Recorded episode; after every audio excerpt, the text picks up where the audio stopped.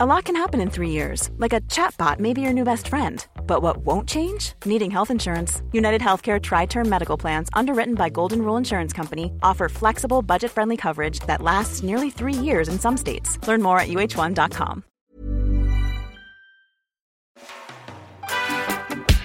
Välkommen att vänta på katastrofen ännu en vecka med mig, Kalle Zackari Wahlström och min gode vän Patrik Sellman. Hej Patrik! Hej Kalle! Gud vad härligt att det regnade i natt. Ja, nu det var så välbehövligt och det var Alltså, du ska bara veta. Det Ingmar ringde och sa att det ösregnade in i Sunne när hon åkte från jobbet. Och det ja. ösregnade i gräsmark som kanske är fem kilometer härifrån.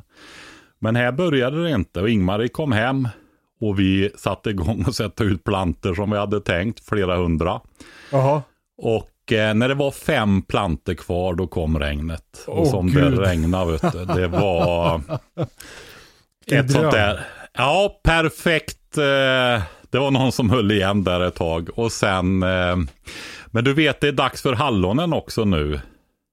Som ja, ja, blom, ja. blommar på alla kalhyggen. Mm.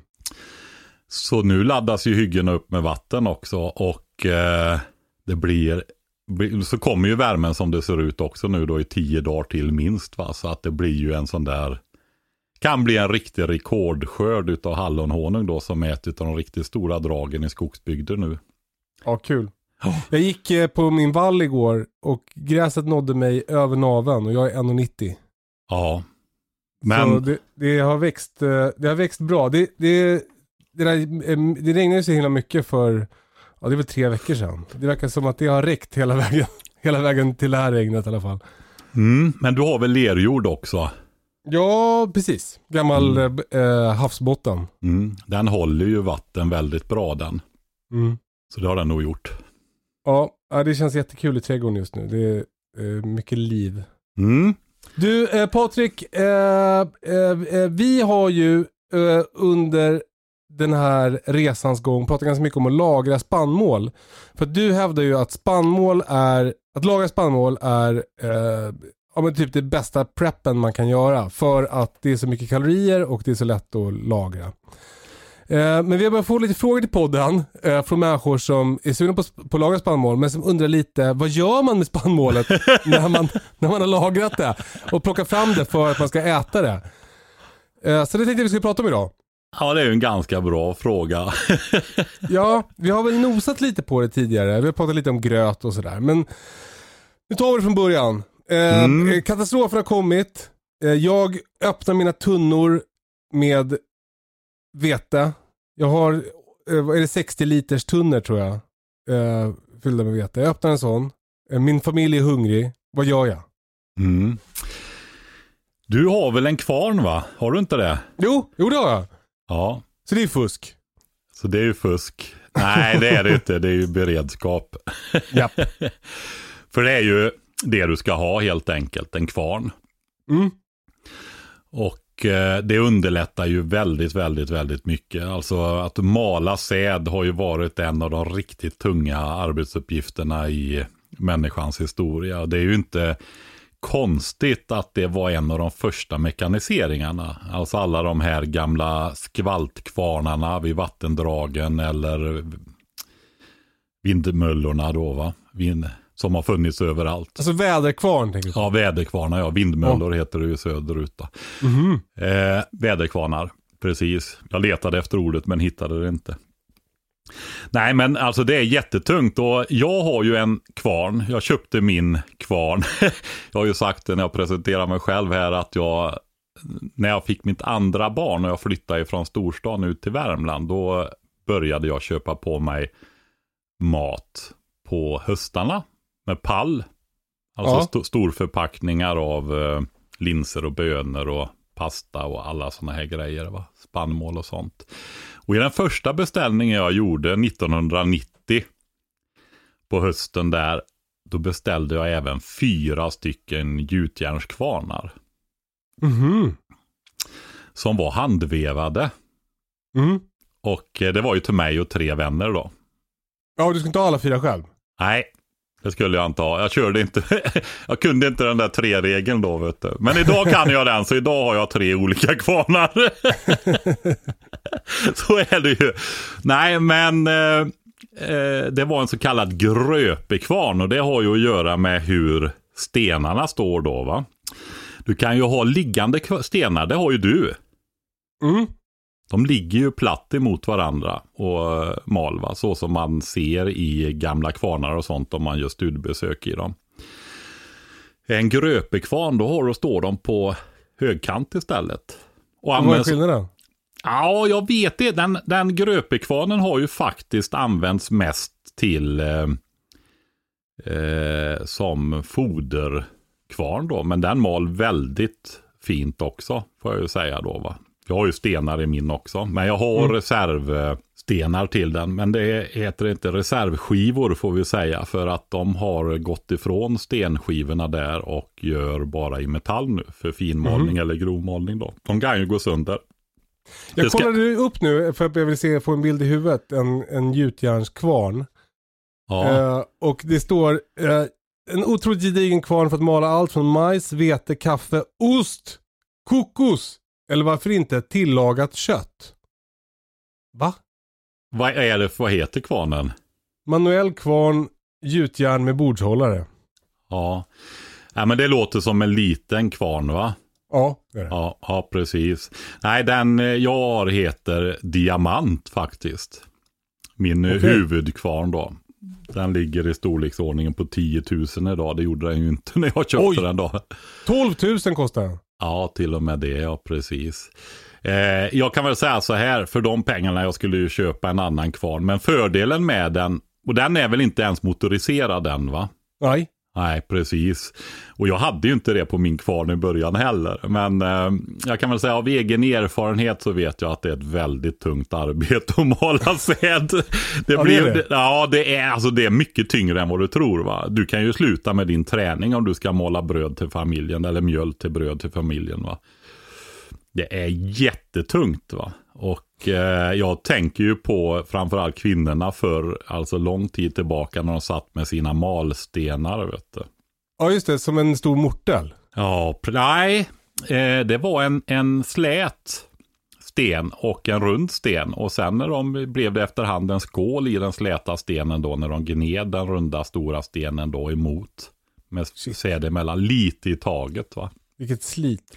Ja, något så fruktansvärt. Och jag har ju reflekterat över det någon gång eftersom jag haft det i huvudet att det är tungt det där när jag har hört i någon, jag kommer inte ihåg det jättelänge sedan, men just om det var slavar eller vanliga, troligtvis slavar som malde mycket så de blev helt, satt så på knä stora delar av dagarna och blev helt deformerade i kroppen då. Usch. Så de här eh, kvarnarna då, det, det, kan jag ju säga då att jag tycker ju det är jättebra att jag har en stor stort gjutjärnssvänghjul på min kvarn. Mm. Det såg du där va? Ja, stort, precis. Det, det, ser, det är tydligt. Det ser liksom det har som ett stort hjul på ena sidan för att få ja, moment. Där, där ett stort trähandtag hänger så du kan ta i med båda händerna.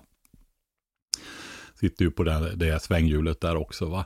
Men det är också en remskiva det där stora svänghjulet. Så jag köpte ju en liten elmotor väldigt fort då. ja, okej. Okay. Ja. Så du byggde ni en motoriserad kvarn av din manuella kvarn? Ja, precis. Och det är ju en stor fördel med den då. För att det är nog en av de bästa hushållskvarnarna för manuellt bruk som finns då. Men det använder jag den inte som va, utan det har jag som reserv. Och eh, man kan väl säga som så att när den dagen kommer och det inte finns tillgång till elektricitet överhuvudtaget, då blir det inte mycket bröd, utan då blir det mycket gröt istället, för då kan du ju mala Om du inte skaffar slavar? Ja, det är ju det då. Det, det jag kommer gå ganska snabbt för dig som har så mycket, eh, så stor beredskap hemma, att få lite, hem lite slavar. Ja, det kanske är, är um, så att man kan turas om och mala också. Så man Efter katastrofen är det du som är kung, Patrik. Ja, det är jag nog eh, tveksam till. Det. det kommer att vara mycket otrevligare typer än mig som blir det då tror jag. Om det blir så. Men okej, okay, men du har den här kvarnen eh, och maler du mjöl på den idag? Jajamensan. Det gör jag. Hur, det har jag gjort i sen, ehm, ja, sen 31 år tillbaka då. Och hur blir det? Ja, det blir ju jättebra. Det, det som man kan säga är ju att det här vita mjölet, det vita vetemjölet som vi faktiskt använder ganska mycket av i pannkakor och såser och pajdegar, många av oss och sådär. Va? Det, är, ja. det är inte jättelätt att få till det om man vill ha det. Men, och varför är det inte det? Nej, det, du siktar ju. Du, när du mal hela kärnan då, om vi tar ja. vet, vete, vetekärnan, så får du ju med hela, alla skaldelar. Du får med grodden som är fet också då va. Eh, innehåller väldigt mycket nyttigheter. Och skaldelarna och det här, det blir ju det här karaktäristiska fullkornsmjölet då. Just det, och är det det som kallas grahamsmjöl? Just det, precis. Ja. Och eh, det man kan eh, säga då där, det, det, som jag gör oftast när jag mal, det är två förädlade produkter. Antingen så blir det ett surdegsjäst fullkornsmjöl. Och då använder ja. jag ju inte mina vetelager. Som i första hand är djurfoder. Eh, Mm. Utan jag har två speciella sädeslag som jag kör med. Och det är svedjeråg och det är ölandsvete då som jag köper. Och det är ju betydligt dyrare så det har jag inte lika mycket. En liten parentes här när du sa om varför jag rekommenderar vete. Ja. Eh, som du hoppade över i introt där. Det är ju faktiskt i förhållande, det är det Eh, livsmedel som vi har idag. Som de flesta människor, alltså inte alla, det är jag fullt medveten om, men väldigt väl, de flesta skulle jag våga påstå, ändå ha möjlighet att köpa i så stor betydelse att man snabbt får en gigantisk eh, kalorireserv med mycket andra näringsämnen också. Så det är en prisgrej också att köpa vete i stora förpackningar. Det är alltså stor säck på 800 kilo eller om man åker och fyller på tunnor eller vad man gör. Va? Eh, så är det en stor möjlighet att för några tusen lappar få hela årsbehovet av kalorier och mycket protein och vitaminer och mineraler. Va? Det, är också en, det. det är också en anledning till varför jag säger det. Annars kan man ju köpa mycket annat. Om man ska köpa det i livsmedelsbutiken så har det ju, är det, finns det ingen vits med att bara köpa massa veter. Va? Och sen, sen blir det ju en extra fördel om man kan ha det som djurfoder till fåglar och sånt. Då? Ja, jag har ju två stycken eh, lite äldre sädeslag. Den ena är faktiskt riktigt gammal. Det är eh, Ölandsvete och svedjeråg. Mm. Svedjerågen är väldigt speciell just här där jag bor. Därför jag bor ju i Finnbygden i, i västra Värmland. Svedjefinnar? Jajamensan. De Skog, från... Skogsfinnar säger man va? Ja, precis. Eh, de finns, har ju, fanns ju i Småland och de fanns här i Värmland och Dalarna och så vidare i stor mängd. Men just här där jag eh, bor då, här har det funnits. Eh, och de är även, eh, ska vi säga, det finns skönlitterära bokserier och sånt om just de här som kom hit i Kymmen. Kymmen. Ska, vi, ska vi lyxa till det lite med en historielektion om skogsfinnarna? har jag inte berättat om det förut? Jag tror, Nej. Det har jag inte gjort. Nej, inte i podden i alla fall. Det tror du inte. Nej, okej. Okay. Nej, det finns, eh, det var ju så att i östra Finland, så i Savolax, så eh, var det väldigt oroligt under 1500 och 1600-talet. Eh, bland annat hade du något som hette klubbekriget där. Och det blev mycket flyktingar som sökte sig till Sverige då. Och de fick också, de fick bosätta sig i sådana här bygder som där jag bor nu då. För de var öde på den tiden. Mm -hmm. de, men de var inte öde eller obefolkade då eh, tidigare utan eh, det var väl de här stora sjukdomarna som kom på medeltiden som gjorde att de här bygderna avfolkades. Det var ju... Okej, det hade alltså bott folk där först och sen dog de bort och då kom skogsfinnarna? Och ersatte dem sen ja, på mm -hmm. 1600-talet framför allt då. Så att det finns ju fornlämningar och sånt från människorna som bodde här långt tidigare då. Men sen var det alltså öde under 100-200 år i alla fall. Va? Så det var, var vildmark då när finnarna kom hit. Och eh, den stora sjön här nedanför mitt berg då, den heter ju Kymmen eller Kymmen på svenska. Och eh, Kymmene tror jag det är 10 på finska va? Eh, inte helt säkert, men det är den tionde sjön som kungen gav ett fribrev då att här fick de bosätta sig då. Så det gjorde de. Och eh, deras metod var ju just eh, svedjebruket och eh, de brände ner och frigjorde mängder med näring då. Och så odlade de bland annat sin svedjeråg då och svedjerovan dessutom då. Mm. Så eh, svedjerågen är faktiskt därifrån. Man har hittat den. Den blir ju ett väldigt långt eh, strå på den då. Så det är ju väldigt mycket halm i den också då. Så den är rolig att använda. Och sen Ölandsvetet, det är ett, eh, inget, ingen gam, det finns ju tusentals vetesorter och typer. Olika ja. vet, veten i världen va. Eh, så det ju, går ju att ta väldigt, väldigt mycket. Men man kan väl säga att det finns ett gammalt vete, ett enkelvete då, MR-vete. Och sen har du spältvetes, eller dinkelvete. Och sen har du eh, kan vi väl dela upp i två stora kategorier då, höstvete och vårvete. Och det är ju vårvetet som framförallt är till bröd då. Varför då? Ja, det har med proteinsammansättningen att göra. Jag är inte helt hund, jag vet bara att vårvete är bättre till bröd. Alla är besvikna nu Patrik. Ja, och det beror på proteinsammansättningen, att det har bättre bakegenskaper då. Men höstvetet ger ju, det är ju det som ger de här jättestora skördarna och det är ju ett betydligt billigare eh, vete då. Va? Och jag har för mig att det faktiskt är det som man helst använder till kakor och sånt då.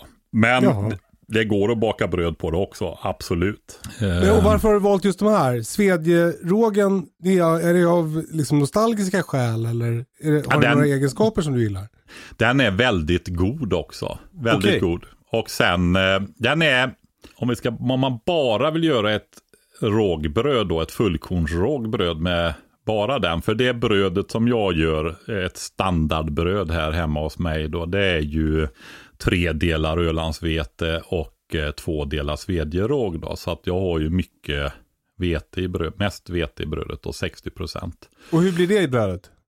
Det blir eh, väldigt, väldigt bra. I vilken stil liksom? Ja, men det är ju ett fullkornsbröd, surdeg. Vad tänker du med stil? Alltså är det kompakt eller är det fluffigt eller är det... Ja, Okej, okay, du menar så. Det är ju som en, eh, vad ska vi säga? så folk har referenser. Jag får ja, se. men exakt. Ja, det finns eh, mer, åt lingongro ja, mer åt lingongrova då. ja, kul. Ja, det är fast det, fast grö, grövre än lingongrova. Det är ju mycket eh, siktat mjöl i lingongrova också då, va? men mer åt det hållet då. Just det. Jag bakar det i eh, glasformar faktiskt, sådana här vanliga ugnsformar med lock. Så okay. jag gör eh, fyra åt gången och ställer två i överugnen och två i nederugnen då. Och eh, det kan vi väl säga just när det gäller brödbaket också, när man bakar på det viset att eh, då har du två sätt så att det inte ska bränna fast i formen. Då antingen så smörar man formen mm. med fast smör. Och det gör jag för att då får det sugs ju då upp i eh, skalet och gör att det blir eh, väldigt gott. Då, va? Och sen eh, det andra är ju att du förvärmer formarna. Just det. Alltså att du värmer den är, upp. Den är varm när du stoppar ner degen. Ja, precis. Då bränner, lägger du den i en rumstempererad form och ställer in i ugnen. Då fastnar brödet i formen och så har du det där tråkiga och så gör du aldrig det där mer. va. Du Patrik, eh, eh, förlåt att jag avbryter. Det känns som att ja. vi måste ta ett steg tillbaka och prata, no pun intended, och prata om det här med att baka bröd. För det är en, en, en beredskapsfärdighet som som du har överfört till mig, ja, det är väl ett år sedan nu eller något sånt där. Men det, det känns som att vi måste prata lite noggrannare om det. För det, det är någonting som alla lyssnare borde kunna, eller hur? Ja, det är det ju. Vi, men vi kanske ska samla upp runt kvarn först. Mm, och ja, ja, men vi, börjar, vi, vi, vi börjar ju där. ja. vi, börjar, vi börjar i att vi maler vårt, vår spannmål. Ja. Och sen så ska vi prata om det här med att sikta. För det var där, det var där vi någonstans vi var. Att det var svårt ja. att få till vitt mjöl.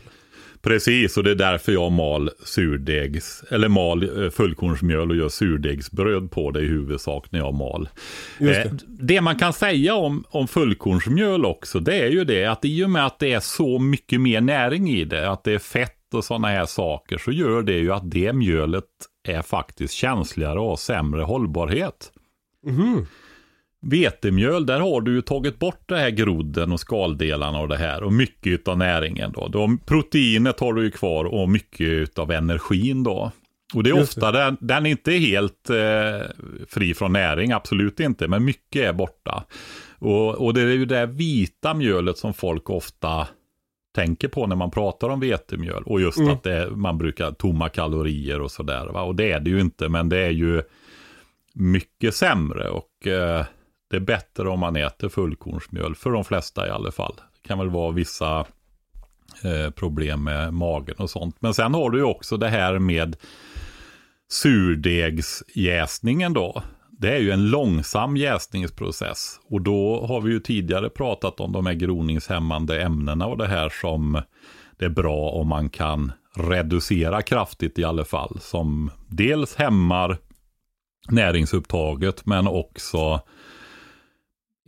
inte är så bra för oss då. Det finns ju hur många olika som helst men eh, ja, jag tror det finns mycket litteratur och sånt att läsa om det ämnet idag så att eh, fördjupar oss inte i det. Men det är en bra process och det är en gammal process som eh, verkligen fungerar. Och, Vi, kommer komma, vi kommer komma in på, sur, på surdegen strax, men först ska vi prata om det här med att sikta mjölet. Ja, du vill komma tillbaka till det. Jag, Ja. jag har ju siktar här då. Dels en som jag har ärvt av min farmor för mer än 30 år sedan i alla fall då. Och det är ju helt enkelt ståldukar och stålnät i olika eh, grovlek som du har ditt mjöl och siktar igenom och så går inte alla delar igenom. Och när du mal, om du inte riktigt, riktigt finmal den utan man kan mala mjölet i omgångar då. Eh, då är skaldelarna segare. Mhm. Så de går att sikta bort till viss del då. Men eh, jag kan säga att när man mal hemma, jag har inte lärt mig eh, exakt hur man får bort grodden och sådana grejer. Och jag tror att det är väldigt svårt. Jag har nog tittat på det för väldigt länge sedan, men sen har jag aldrig fördjupat mig mer i det. Men och det är Så- inte så att man bara har en finare sikt? Att det, att, Nej, det du får igenom, ja, alltså till viss del kan du göra så, men du får aldrig fram det här industrivete, vita vetemjölet. Det får du aldrig. Det eh, alltså det är det någon som lyssnar på det här och vet hur man gör.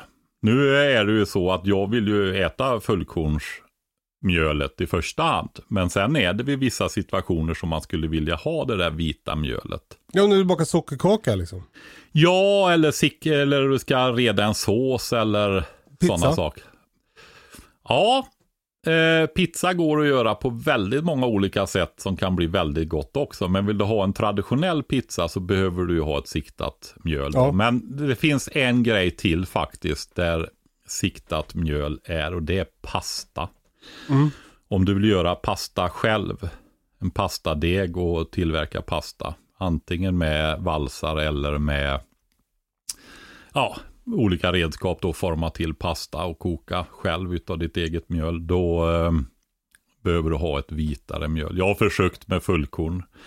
Men det blir alldeles för grynigt. Så det Föll behöver- sönder eller? Ja, det gör det. Jag har aldrig lyckats med det. Jag har inte bjudit till så mycket heller. Det finns ju fullkornspasta att köpa, men det är säkert någon eh, process där som Ja.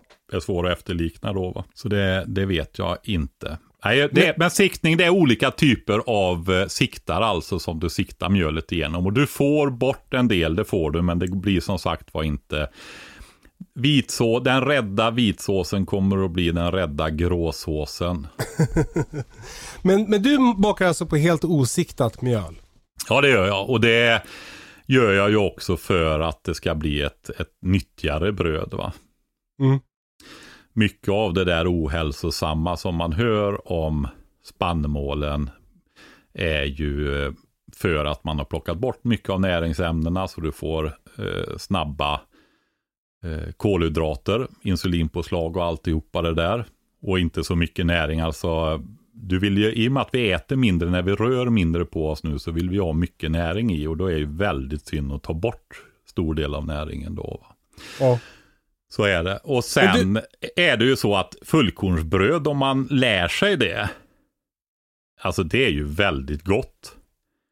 Speciellt om du har eh, alltså ett, ett gott fullkornsbröd med västerbottensost på eller goda charkuterier eller någonting på. Det är ju supergott va. Nu ska vi berätta hur, vi ska göra, hur man gör ett sånt här gott bröd Patrik. Du har ditt mjöl, du har malt det i din kvarn. Mm. Eh, eh, det, det ligger i en bunke antar jag. Du, ja det gör det. Jag kom på en sak, vi har inte pratat om Ölandsvetet, för det är en ganska viktig bit i det här också. Eh, det är ett, ett med, jag var inne på det med olika typer av vete och höstvete, vårvete och så. Det är ett äldre brödvete, vårvete då, som eh, har, alltså det här med gluten och glutenintolerans och sånt har du hört talas om va? Ja. det är ju ganska på tapeten idag. Eh, och det är så här att man har eh, odlat fram och selekterat fram sorter med ett kraftigare gluten. Man använder ordet hårdare gluten. Som gör att du kan få fylligare och luftigare bröd och så enklare framförallt i industriprocesser då. Va? Och eh, Tydligen så är det så här att vi har svårare för det här hårdare glutenet då. De här äldre brödvetesorterna då, som Ölandsvetet, de har andra typer av gluten. Som i och för sig är vekare då, va? mjukare. Men som inte är lika hårda för oss att smälta och så heller då för magen. Mhm. Så är man lite, inte glutenallergiker, men lite, vad ska vi säga, känslig, Känslig. Så, kan Ölandsvetet kanske vara någonting man kan pröva då. Va? Så det är anledningen till varför jag använder det också då. Va? Men betyder det också att brödet inte blir riktigt lika sekt? För det är väl att man har hårda eller fasta glutentrådar som gör att brödet blir sekt och saftigt. Ja, men du tänker ju på det här eh, stora höga brödet som du gör på vitt vetemjöl nu, som du brukar baka faktiskt. Ja, men Riktigt bra. exakt. Ja, Nej, men sånt bröd är väldigt svårt att få med fullkorns, eller du får ju inte Nej. ett sånt bröd med fullkorn. Det är an, en annan typ av bröd helt enkelt. Däremot finns en del som är duktiga på att få fin skorpa och höjd och så på fullkornsbröd också då. Det är det, absolut. Men hur gör man då? Ja, eh, det, det här är faktiskt en sån där om man tittar på långtidsberedskap och grundläggande eh, kunskaper och sånt där. Att framställa jäst. Hur, hur ska man kunna jäsa ett bröd så det inte bara blir en klump då? Ja. Och eh, det går just, eh, alltså när man håller på med fermentering och olika saker så märker man ju ganska snart att eh, det här med, med svampar och sånt, alltså jästsvampar och sånt, det finns ju överallt. Ja. Mjölksyrebakterier och eh, jästsvampar och sånt, det finns överallt, på alla ytor, precis överallt. Så eh, när man gör eh, äpplemust, pressar äpplena, så är det ju bara att låta den stå. För har du sköljt eh, äpplena så eh, är ju jästen kvar på ytan och du pressar så åker det ju med i musten. Mm. Det är ju därför om du vill eh, lämna in äpplen till musteri då så får du ju pasteuriserad must tillbaka. Mhm. Så då dödar ju de gästen va. Men eh, vad jag menar med det, det är det att nej, men det är ju bara att låta den jäsa. Då får du ju cider. Just det. Om du inte får äppelcidervinäger då. För då kommer ättiksbakterierna och tar över också. A lot can happen in the next three years. Like a chatbot may be your new best friend. But what won't change? Needing health insurance. United Healthcare Tri Term Medical Plans are available for these changing times. Underwritten by Golden Rule Insurance Company, they offer budget friendly, flexible coverage for people who are in between jobs or missed open enrollment. The plans last nearly three years in some states, with access to a nationwide network of doctors and hospitals. So, for whatever tomorrow brings, United Healthcare Tri Term Medical Plans may be for you. Learn more at uh1.com. Say hello to a new era of mental health care. Cerebral is here to help you achieve your mental wellness goals with professional therapy and medication management support. 100% online. You'll experience the all new Cerebral Way, an innovative approach to mental wellness designed around you. You'll get a personalized treatment plan from a therapist, prescriber, or both in a safe and judgment free space. Your cerebral therapist or prescriber will outline a customized plan with clear milestones along the way so you can get to feeling your best. With Cerebral, you're not alone in your mental health journey. We're here to empower you to live a fulfilling life. So take that first step towards a brighter future and sign up today at cerebral.com slash podcast and use code ACAST to get 15% off your first month. Offer only valid on monthly plans. Other exclusions may apply. Offer ends July 31st, 2024. See site for details. Och äter upp Är, är det en bakterie som gör att det blir ättika? Jajamensan. Mhm. Eh, Vem är det? Så vill du jäsa vin och öl och sånt i ditt kök så börja inte tillverka vinäger där. För då förökar du upp de stammarna och då är det väldigt stor risk att du får sånt i, i alla dina jäsningar sen då. Va? Så det gör du någon annanstans. Jaha. Men eh, i alla fall, det är alltså man kan använda sig utav sån jäst eh, i brödbak också. Du kan ju använda öljäst i brödbak med. Eh, men det bästa sättet som jag tycker, eller rättare sagt, jag har två metoder då utav det som jag har prövat här under årens lopp. Och det är, ena är honungsjäsmedel. Jaha. Även i honung finns det jästsvampar då. Det är ju därför det är viktigt att hålla ner eh, vattenhalten i, i honungen då. Men tar du en matsked honung och löser upp den i vatten Ja. och lägger i lite mjöl så börjar den jäsa efter några dagar där va, och få bubblor och sånt där. Gör den ganska lös till att börja med och sen kan man lägga i lite mer mjöl och få den lite fastare då. Så ställer man den i kylskåpet sen. En vanlig eh, honungsburkstorlek ungefär då va. Och då har du, du kan du ta lite av den för att använda som jäst? Ja, Jaha. och då eh, ska du göra ett större bak så eh, ta, räcker att du tar en matsked av den där burken och eh, lägger och gör en liten lös fördeg då så att det är lättare för gästen att komma igång om det är mer vätska i. Mer, mer eh, smet än deg. Eller gränslandet mellan smet och deg då kan man säga. Varför är det så så? när- Alltså det är väl att den kan smäl- röra sig bättre och smälta bättre. Den Mm. ät, äter ju av det här va. Så det går väl lättare för den om det är mer vatten i. Och, och den här burken som man har i kylskåpet med sin, sitt honungsjäsmedel. Ja. Hur länge lever den? Det brukar väl ofta pratas om veckor och sånt där. Men jag tycker att det väldigt fort går att få liv i den. Ja. Och eh, bakar man regelbundet så tar du ju ur lite grann va. Och eh, då gör du ju så att du matar den där efterhand också. Alltså när du har tagit eh, ett par veckor så lägger du i lite mer vätska och lite mer mjöl i den då. Så kan ju gästen leva vidare där i då. Men du behöver inte fylla på med honung. Nej, de har ju förökat sig där i då. Just det. Den andra metoden eh, som jag faktiskt använder nu för tiden då. Det är eh, att du helt enkelt tar de mjölsorterna, det mjölet som du ska använda i brödet. Och jag kör ju med full, då kör jag med ölandsvete, malt ölandsvete och, och mald svedjeråg.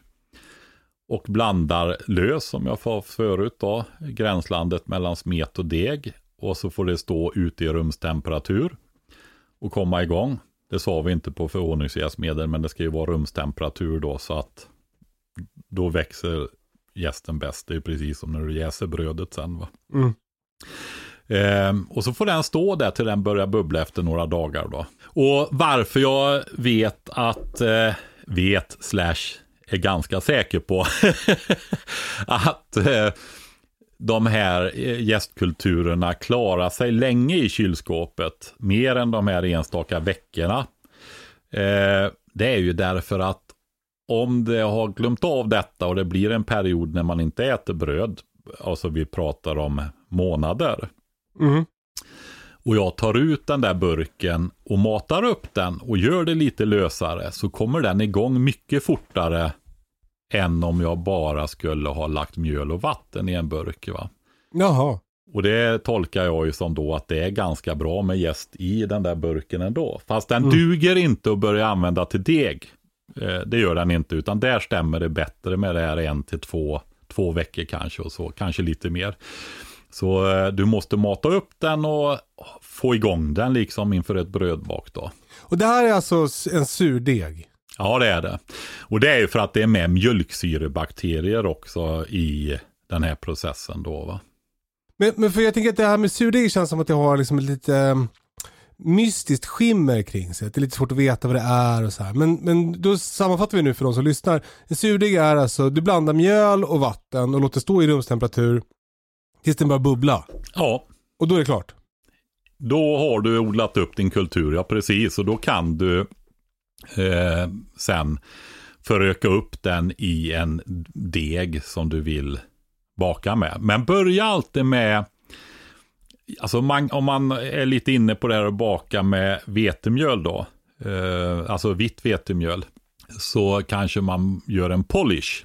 Alltså att du har, gör just en liten fördeg med en liten mängd vanligt bagerijäst. Och då gör du just den här lösa, som jag kallar mellan smet och deg. Va? Tjock, tjock smet kan vi säga, precis innan det blir deg.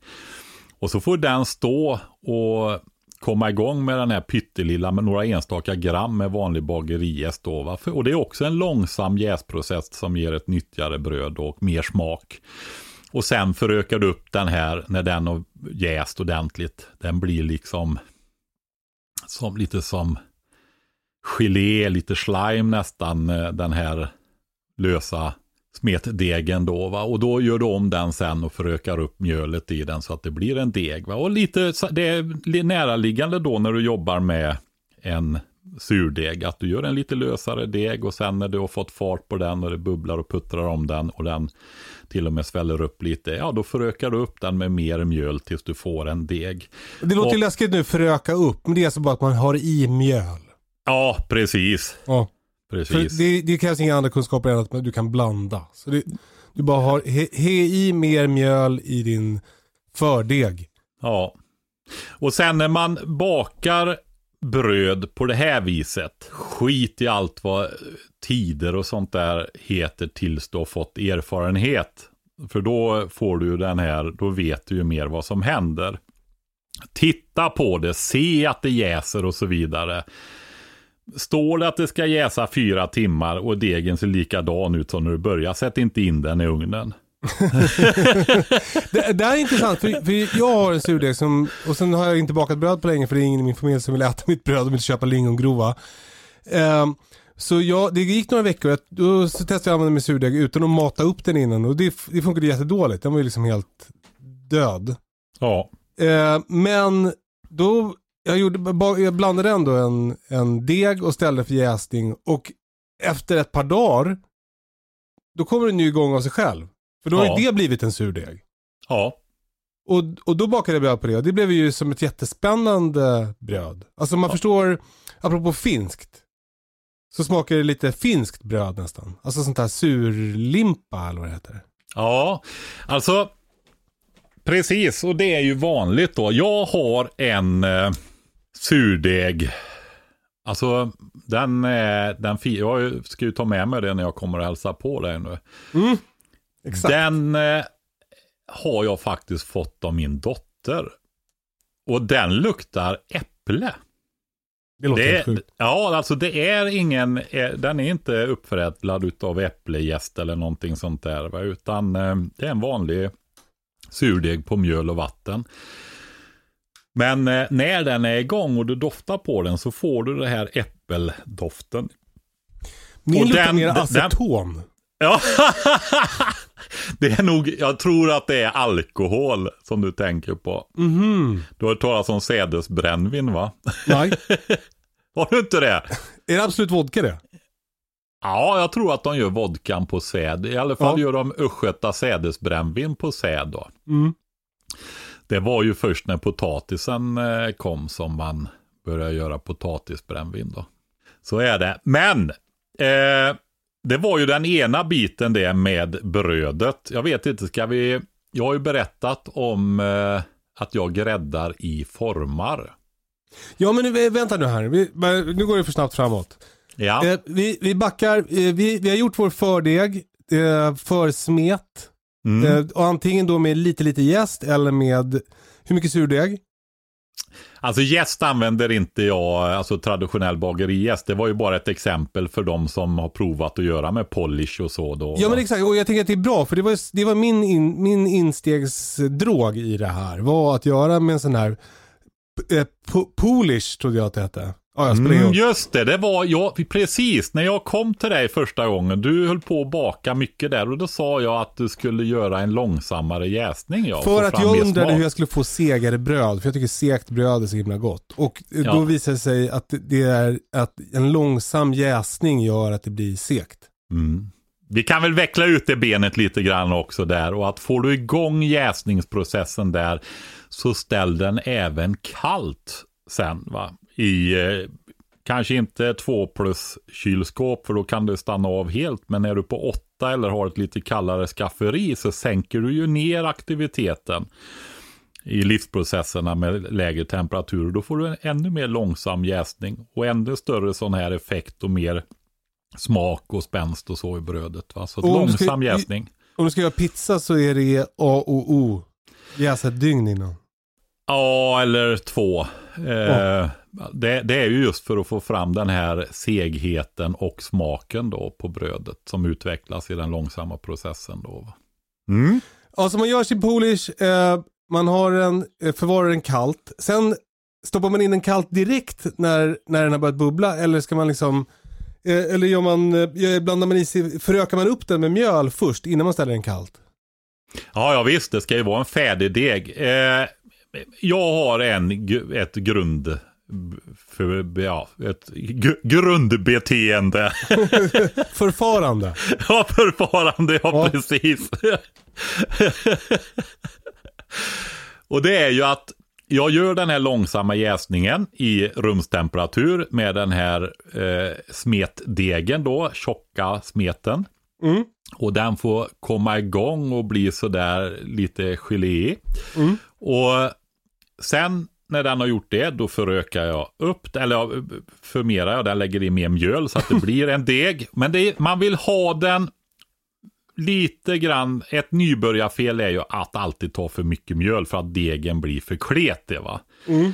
Eh, konsten att göra riktigt fina bröd är att kunna ha mycket vätska i. En kletig deg helt enkelt och klara av att hantera den. Va? Då får du ett saftigare, segare, smakrikare bröd. Just det, för det, och det är därför som det här med att hålla på och snurra pizzor, pizzadeg över huvudet. Det är ett tecken på att du har för mycket mjöl i din pizzadeg, om du kan göra det. Det ska liksom inte gå att, att hålla på och kasta upp den i luften och sådär. Då är det för mycket, då är den för fast. Okej, det kände inte jag till. Ja, så är det. Ja, men eh, eh, när jag då har eh, fått ihop den här degen sen, då har jag faktiskt eh, plastback, livsmedelsgodkända plastbackar med lock på. Eh, ja, med sån här kläm som du klämmer fast locket med vanliga som finns överallt att köpa. Och eh, då lägger jag degen där i sen.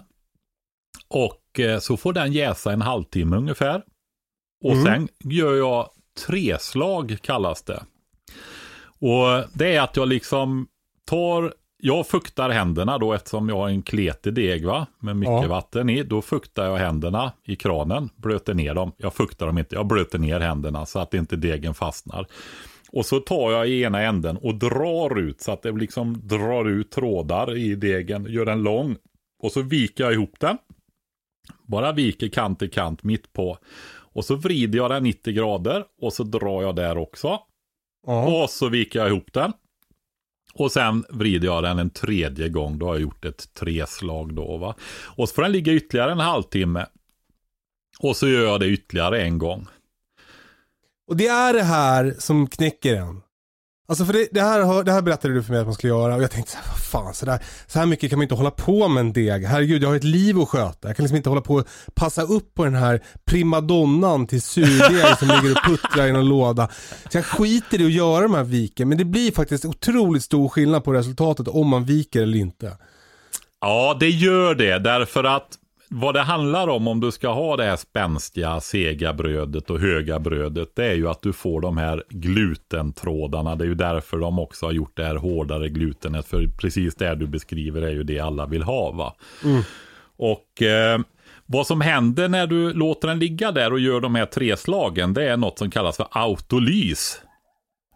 Eh, antingen knådar man ju degen mycket, då får du de här eh, glutentrådarna. Degen går liksom ihop och blir seg och spänstig då.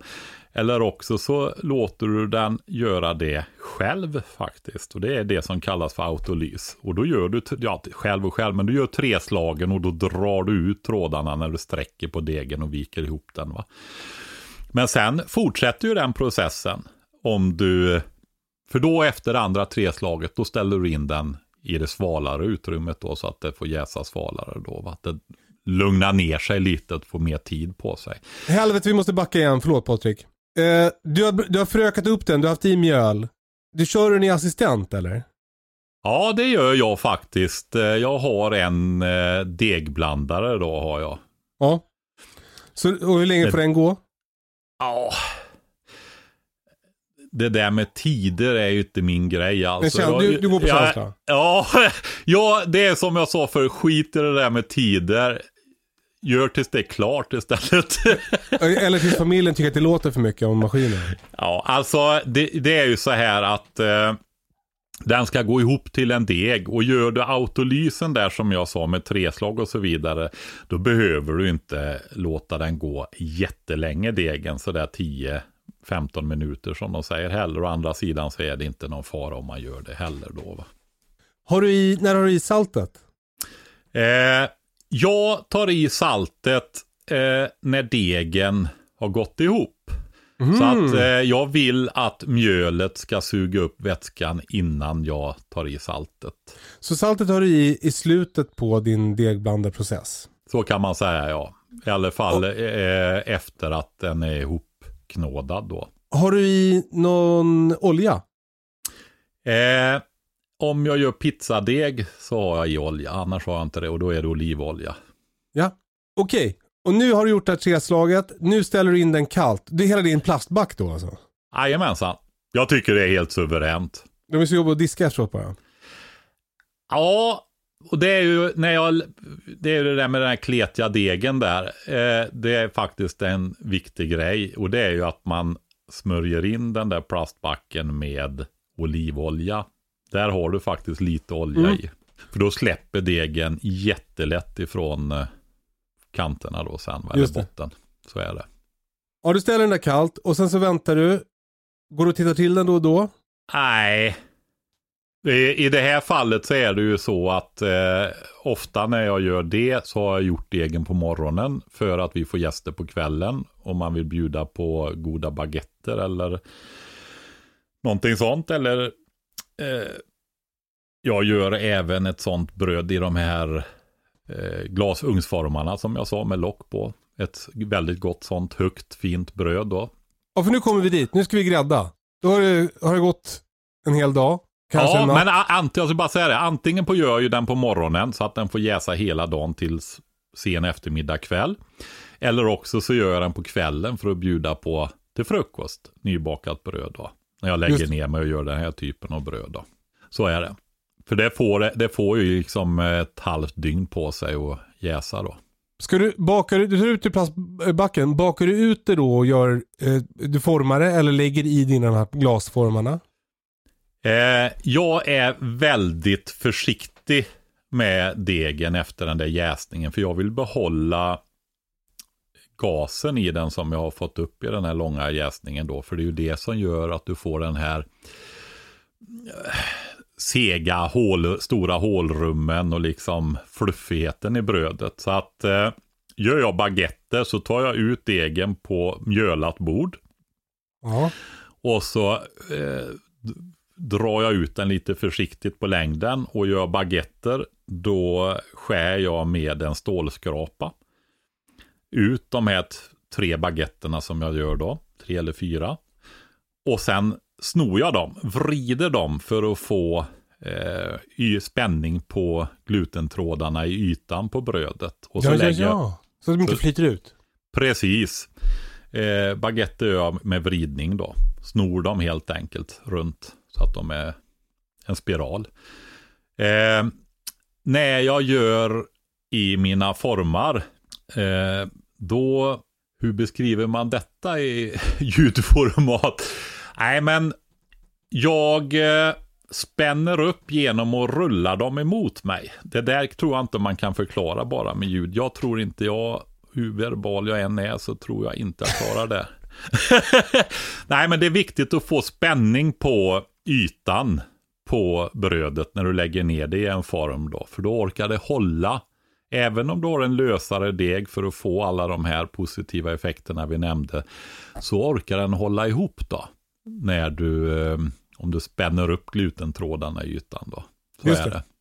Det är en process. Jag, jag kan väl säga så här, vi får väl rekommendera att man tränar. För det där, alltså bara att börja baka så behöver man ju inte börja så här. Det gjorde ju inte du och det gjorde inte jag de flesta andra börjar ju liksom inte med allt det här som vi berättar om nu. Va? Utan det går ju att bygga på efterhand med olika moment. Och det är ju en utvecklingsprocess. Det är ju att lära sig ett hantverk helt enkelt. Och ett väldigt roligt och väldigt mänskligt och historiskt och kulturellt hantverk som Ja, det kan man rekommendera. Men jag kan verkligen rekommendera det här och, och baka i formar. Jag har ju så här silikonformar. Det är ju liksom extra fuskigt.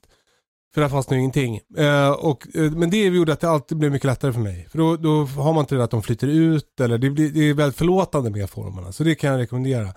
Eh, så om du vill börja med det här, då, då bara eh, eh gör en sån här eh, eh, fördeg så att det får jäsa länge. Och sen så eh, kalljäs över natten och sen baka i formar. Då, då, då tror jag att du kommer lyckas med ditt bröd. Mm. Precis.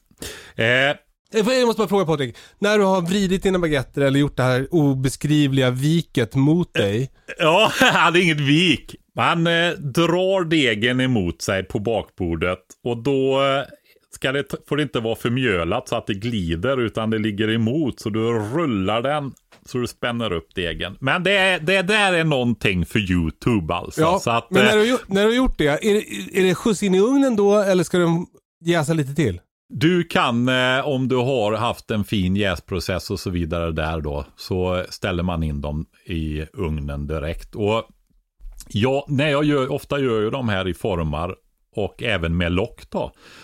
Eh, och eh, då är ju de smörade, för jag ställer in formarna. Jag har gjort både och då, men ofta så blir det att jag smörar, för jag tycker att det ger en sån fin smak på skorpan där då va. Och då ställde jag ju in de här i kall ugn och slog på värmen. Så då har en liten efterjäsningsprocess in i ugnen Ställer du då. in i kall ugn din sjuka jävel? Ja, I, i, de här, i de här formarna när jag gör det. När jag gör baguetter däremot, då är det precis tvärtom. Då eh, brukar jag, jag vågar knappt säga det, men jag har ju en eh, baguetteplåt, va? en sån där bake-off-plåt. Just det, just det, just det. Ja. Men eh, jag kan, har gjort väldigt mycket på vanliga plåtar också. Men de andra tycker att det är så himla gott när man använder. Det är ju en sån här med, eh, eh, det är ju fusk va. Varför är det den- fusk? Ja det är ju det. En riktig bagare lägger ju upp och spänner upp dem och lägger dem på en plåt. Ja men alltså det är ju väl toppen. Det är ju de här formarna. Det är ju perfekt. Något som håller emot. Så man Ja. slipper det där flyta ut det. det är det att eh, eh, de gillar det. Den är ju perforerad. Mm. Och eh, då får, innebär att du får en krisp, den, eh, de här hålrummen där gör ju att den blir väldigt krispig och fin även på, på botten då. Va? Så är det. Och vi Men- skulle grädda långt ner i ugnen va? Ja, och eh, jag kör med pizza pie-läge och hög temperatur. Och sen när jag ställer in den, då har jag förberett en espressokopp. En sån liten kaffekopp med vatten. Eh, och jag tar varmvatten. Så in med plåten, släng in hela vattenkoppen på botten under plåten. Alltså i ugnen. På. Jajamensan, och den är ju väldigt varm då. Och så igen med luckan fort så att du får den här ångeffekten då. Det gör att du får en krispigare yta på brödet då. Hmm. Och efter fem minuter så kan du öppna ugnsluckan och släppa ut den sista ångan därifrån då. För då vill du inte ha, du vill ha torrt istället. Då vill du ha torrare istället, ja precis. Fan, det är Det- liksom lite som en performance där. Man skulle vilja se dig baka bröd på det. Jag tänker liksom att, att det är som blick, blinkade lampor och rök och som bara överkropp och förkläde. Och, Ja, det är som en upplevelse med att se dig baka bröd.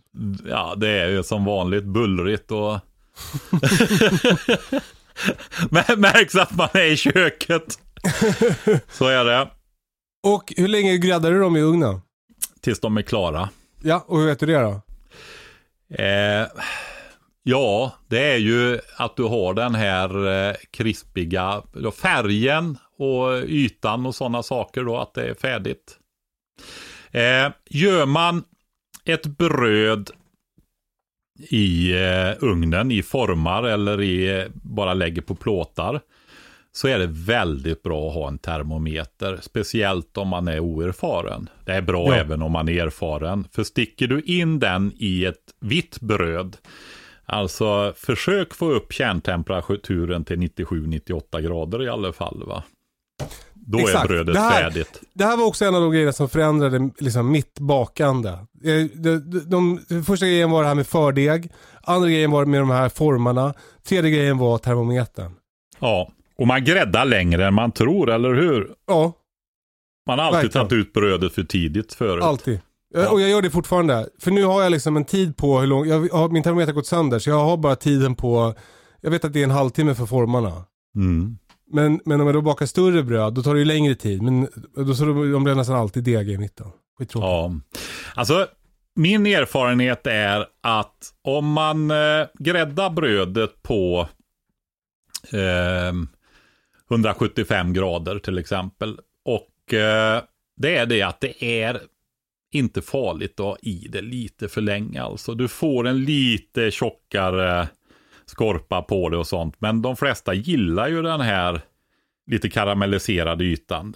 Inte, inte så att den blir bränd, utan det är ofta bättre att ha lite för länge än för kort tid. Va? Men eh, en termometer som man stoppar i och mäter och den där sista graden upp till 97-98 grader där, det tar tid alltså. Det, Mm. det, det stannar upp lite precis innan där och sen går det upp då. Och visst är det så att om du gör fullkornsbröd eller ett, med, med något lite grövre mjöl, då, då vill du ha 99 grader va? Nej, eh, fullkornsbröd eh, är faktiskt lite lägre temperatur. Jaha. Jag har gjort fel. Är du Ja. säker på det?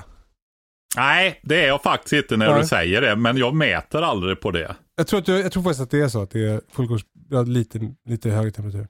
Eh, hur som helst, eh, gud vad hungrig man blir. Ja, jag kollar på kärntemp nu på fullkornsbröd. Får vi se, så vi säger rätt. Jag kan väl säga det också under tiden att eh, jag har ju klagat till Patrik att jag fick lite för hård skorpa på bröden och då är tipset att slå in brödet och låta det svalna i en handduk. Då blir den lite segare. Mm.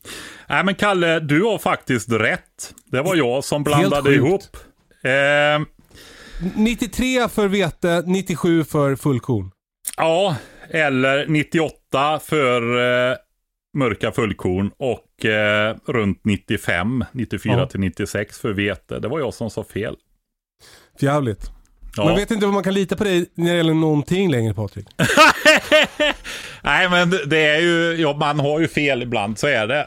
Det går inte att komma ihåg alla detaljer perfekt faktiskt. Men jag kan också säga att det var länge sedan jag mätte temperaturen på bröd om jag ska vara riktigt ärlig. Men eh, till er som lyssnar, börja baka bröd. Det är ett utmärkt sätt att ge sig in i det som är eh, småbruk, matproduktion, beredskap. Eh, eh, gör det. Det är kul och gott. Mm. Eh, nästa vecka ska vi prata om gröt. Vad vi gör gröt. Vi måste hinna med det idag Kalle, vi kan inte hålla på så här. Vi måste sluta nu Patrik. så måste vi det, okej? Nästa vecka blir det gröt för 100% gröt. Eh, stort tack för att ni lyssnar. Eh, eh, följ oss på Instagram i väntan på katastrofen. Skicka meddelande om ni undrar någonting. Och tipsa era kompisar om den här podcasten. Och börja baka bröd. Puss och kram, ha det så bra. Hej då! Hej då!